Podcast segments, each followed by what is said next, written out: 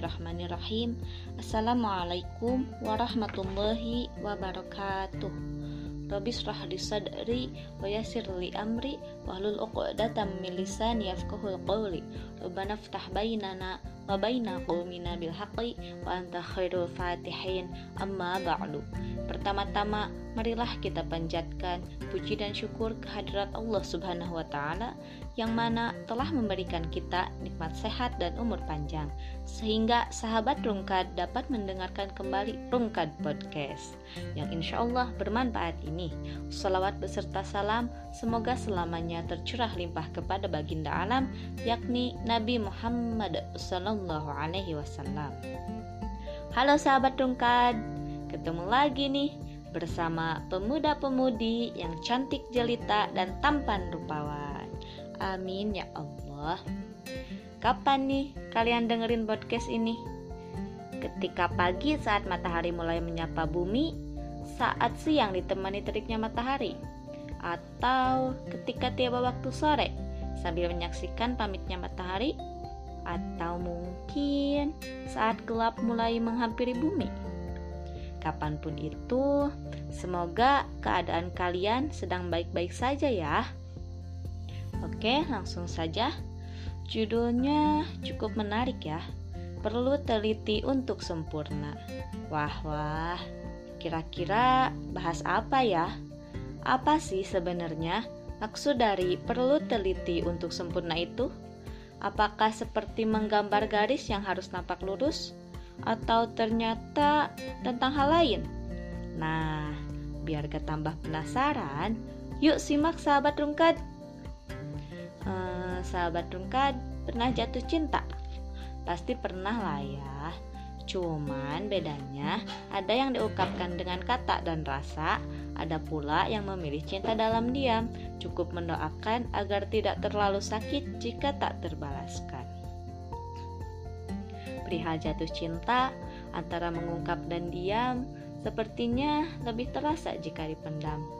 Karena restu Sang Maha Cinta lebih utama daripada nafsu semata. Sahabat Rungkad, jika Allah merestui cintamu dengan seseorang yang kau jaga dalam doa, gimana rasanya? Pasti seneng kan? Nah, jika Sang Maha Cinta sudah merestui, berarti jangan ada lagi kata nanti. Tapi harus yakin, ini adalah pilihan terbaik. Jalannya akan dimudahkan dan dilancarkan. Tapi sebelum itu, kalian harus tahu dulu nih untuk memilih suami dan istri. Nah, untuk para wanita muslimah, dalam memilih suami, utamakan pria yang soleh atau memiliki akhlak yang mulia. Karena dengan kriteria itu, insya Allah rumah tangga dapat terjamin karena dia pasti tahu cara memuliakan seorang wanita. Sedangkan jika wanita memilih pria dari kekayaan dan ketampanan, insya Allah Allah akan menjadikan rumah tangga itu tidak bahagia. Kenapa?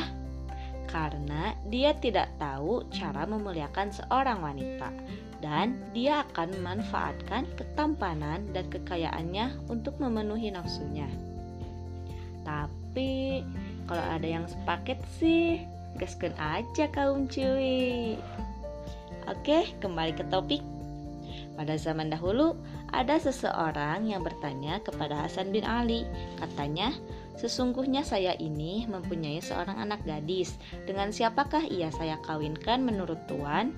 Hasan bin Ali pun menjawab, Kawinkanlah dengan laki-laki yang bertakwa kepada Allah. Kalau laki-laki itu mencintai anakmu, ia akan memuliakannya. Dan kalau tidak cinta pun tidak akan menganiaya dia. Nah, sekarang untuk laki-laki nih. Bagi pria yang ingin meminang seorang wanita, ia diperbolehkan melihat pada bagian yang tidak diharamkan. Ingat, tidak diharamkan. Seperti wajah dan kedua telapak tangan. Tapi untuk selebihnya itu dilarang. Dari Jabir radhiyallahu anhu ia berkata bahwa Rasulullah shallallahu alaihi wasallam pernah bersabda, idza khataba ahadukum limar'ata faqadara an yara minha ba'dha ma yad'uhu ila nikahiha falyaf'al ruwahu Ahmad wa Abu Dawud yang artinya apabila seorang dari kamu sekalian meminang wanita dan dapat melihat sebagian anggota tubuhnya yang dapat menimbulkan rasa ingin mengawininya, maka lakukanlah. Hadis riwayat Ahmad dan Abu Dawud. Selain itu, ada juga salah satu hadis yang menyebutkan yang mana hadis ini diriwayatkan dari Mughirah radhiyallahu anhu ia mengatakan sesungguhnya ia pernah melamar seorang wanita lalu Rasulullah shallallahu alaihi wasallam bersabda lihatlah ia karena yang demikian itu akan melanggengkan kasih sayang antara kalian berdua Nasai, Ibnu Mazah, dan Tirmidzi. Nah, untuk sifat dari calon istri pun hendaklah memilih wanita yang memiliki akhlak yang baik atau solehah karena insya Allah akan terjalin rumah tangga yang bahagia. Dari Jabir radhiyallahu anhu, ia menceritakan bahwa Rasulullah Shallallahu alaihi wasallam pernah bersabda, Innal mar'ata tunkihu ala diniha wa maliha wa jamaliha fa'alaika bidzatid din taribat yadak. Ruwahu Muslim wa Tirmidzi yang artinya sesungguhnya seorang wanita itu dinikahi karena agama, harta, dan kecantikannya. Untuk itu nikahilah wanita yang taat beragama, niscaya kamu akan bahagia. Selain itu, Rasulullah Shallallahu Alaihi Wasallam juga pernah bersabda, "Khairun nisaa man idza nadarta ilaiha saratka wa idza amartaha adha'atka wa idza aqsamta 'alaiha abar abarratka wa idza ghiba anha hafidhatka fi nafsiha wa malik." Ruahun Nasai yang artinya sebaik-baik wanita adalah yang jika engkau melihatnya maka ia membahagiakanmu. Jika engkau memerintahnya, maka ia senantiasa mentaatimu. Dan jika engkau memberikan sesuatu kepadanya, maka ia senantiasa berbuat baik kepadamu. Apabila kamu tidak berada di sisinya, ia selalu menjadi menjaga dirinya dan hartamu. Hadis riwayat An-Nasai.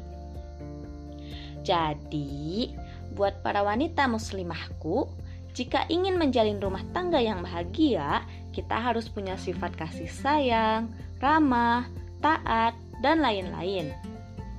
Untuk itu, yuk kita sama-sama berusaha untuk menjadi lebih baik. Berubah itu tidak mudah, tapi selama kita berusaha, insya Allah semua akan dimudahkan. Dan untuk yang pernah berbuat kesalahan di masa lalu, jangan khawatir.